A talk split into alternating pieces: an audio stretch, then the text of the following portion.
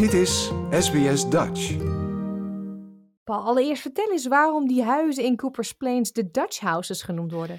Nou, dat gaat terug tot eh, net na de oorlog, toen uh, uiteraard een enorme hoeveelheid immigranten richting Australië vertrokken vanuit heel Europa. Uh, gedeeltelijk natuurlijk om de enorme schade die er in Europa was en de, het slechte economische klimaat. Op hetzelfde moment had natuurlijk ook in Australië de hele economie zo'n beetje vijf jaar stilgelegen. En dan krijg je natuurlijk een enorme vraag naar woningbouw. Dat had je uiteraard ook in Europa en in Nederland na de oorlog. Dus aan de ene kant had Australië zijn eigen woningnood van de eigen mensen, maar daarbovenop kwamen er dus tienduizenden immigranten binnen die allemaal ook huisvesting moesten hebben. Ja. En de Australische regering zat er natuurlijk mee in de maag. En die zijn op een gegeven moment per staat zijn die op zoek gegaan naar mogelijkheden om die woningsnood op te heffen. En Queensland State Government is toen op een uh, tocht door Europa gegaan, naar verschillende landen, inclusief Nederland, om te kijken of ze bouwbedrijven konden vinden die geïnteresseerd waren om naar Australië te komen en om die uh, huizen te gaan bouwen. En dat uh, gebeurde dus ook hier in, in Australië met het Nederlandse bedrijf, Krap, die op een gegeven moment dus daar zei van nou die gingen dat doen. Het punt was van de Australische regering, het was niet alleen maar dat ze meer huizen nodig hadden, maar ze hadden ook materialen nodig en ze hadden personeel nodig.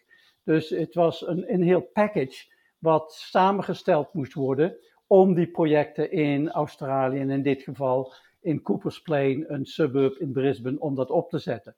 Dus toen is het Nederlandse bedrijf Krap met 73 uh, timmermannen enzovoorts uh, vertrokken met hun families en containers vol met bouwmaterialen.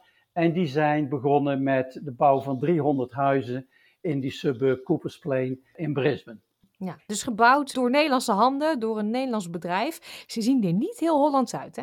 Nee, ik denk ook dat de geschiedenis met betrekking tot die huizen meer te maken heeft met betrekking tot de geschiedenis van de immigratie in Australië hoe dat in elkaar stak, wat er allemaal bij zat. Dus eh, ik denk dat het belang van het behouden van tenminste een paar van die huizen, om te laten zien hoe dat ging, die immigratie. Meer de immigratiegeschiedenis en de heritage daaromheen, dat is denk ik het belangrijkste. Het erfgoed, zoals ze dat in Nederland noemen, van uh, de immigratie in dat gebied. En dat is wat de mensen in Coopers Plain, dus die daar wonen, die vinden dat belangrijk, dat dat stukje geschiedenis van hun buurt, dat dat behouden blijft en dat daar door middel van een café, een community center, een klein museumpje, dat je dus die geschiedenis van hoe Coopers Plain is begonnen door de immigranten vanuit Europa, en om dat te behouden. Dus het is niet zozeer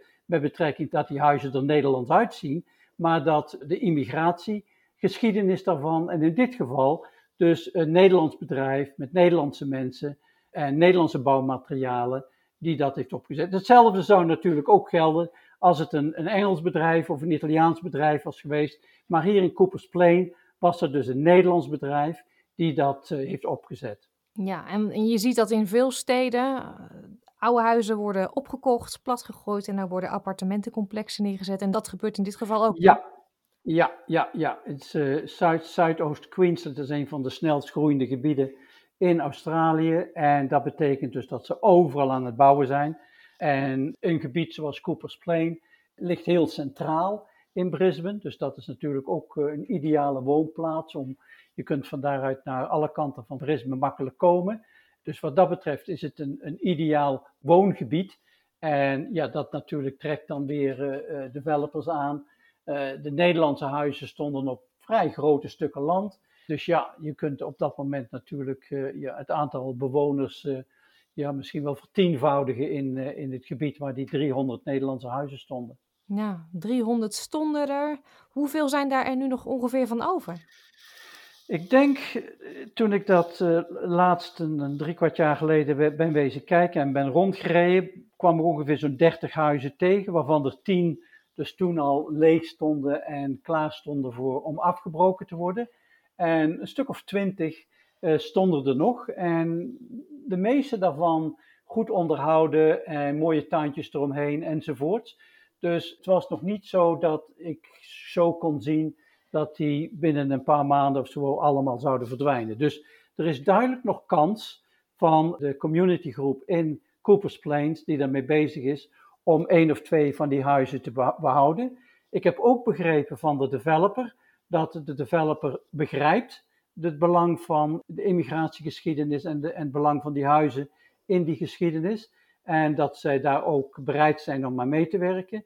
Er is een brief uitgegaan naar eh, de Heritage Commission in de stad Brisbane. En daar eh, is ook een positief bericht op gekomen. En dan hebben we dus een communitygroep die daar dus ondertussen al misschien al een paar duizend handtekeningen hebben verzameld.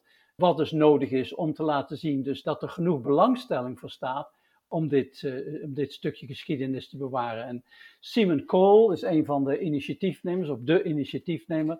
En de leider van die groep, die is daar heel druk mee bezig. En er is dus ook een website waar je kunt opzetten dat je geïnteresseerd bent. En uiteraard heb ik die via de Dutch Australian Center ook gepromoot. Dus uh, ja, hopelijk kunnen wij ook een klein beetje ons steentje daaraan bijdragen. Ja, toch ook een stukje Nederlands geschiedenis dat behouden kan blijven in dit gebied. Hmm. Nou hoor ik je wel zeggen, de kans is er. En toch denk ik, die huizen zijn al verkocht door de overheid aan die developer. Ja, dat win je toch niet? Dat is toch een beetje David tegen Goliath? Nou, dat, die zien alleen geld. Ja, dat klopt. Maar op hetzelfde moment in het plan staat dus duidelijk dat de developer dat begrijpt. En dat ze dus aan het kijken zijn wat er bewaard kan blijven van die geschiedenis. Dus het is niet zo dat uh, upfront de developer al heeft gezegd van alles gaat weg. Er is duidelijk kans, maar ik denk dat ze uiteraard, en dat is, dat is heel begrijpelijk, dat er natuurlijk uh, vanuit de community belangstelling voor moet bestaan. Dat er dan een soort businessplan komt van hoe, hoe doe je dat? Kijk, je zo'n huisje behouden is niet zo moeilijk. Maar als je dan op een gegeven moment gaat kijken naar hoe ga je dat, hè, dat kost elk jaar kost dat geld. Uh, wat ga je ermee doen? Dus je moet op een gegeven moment ook met een goed plan komen van als je zoiets bewaart, dan hebben we op deze manier gaan we dus kijken hoe we dat uh, kunnen onderhouden. Nou, dan komt dus uiteraard bij dat de stad Brisbane daar een bijdrage aan moet gaan leveren. Uh, er zijn mogelijkheden voor. Maar uh, uiteraard, lukt dat niet, zou daar inderdaad helemaal geen belangstelling voor staan vanuit de gemeenschap. Ja, dan denk ik dat de developer ook zegt, ja, als er geen belangstelling voor is, waarom zouden wij dan ons daar druk over maken? Maar ik, ik kijk er toch, toch meer positief tegenaan. Ja. Uh, je hebt een paar mooie foto's van die huisjes. We zetten een link op onze website daar naartoe. En ook natuurlijk naar de petitie. Als mensen die willen ondertekenen, ga naar sbs.com.au slash Dutch. Dankjewel Paul Budde van de Dutch Australian Cultural Center. Graag gedaan, Pauline. Like, deel, geef je reactie. Volg SBS Dutch op Facebook.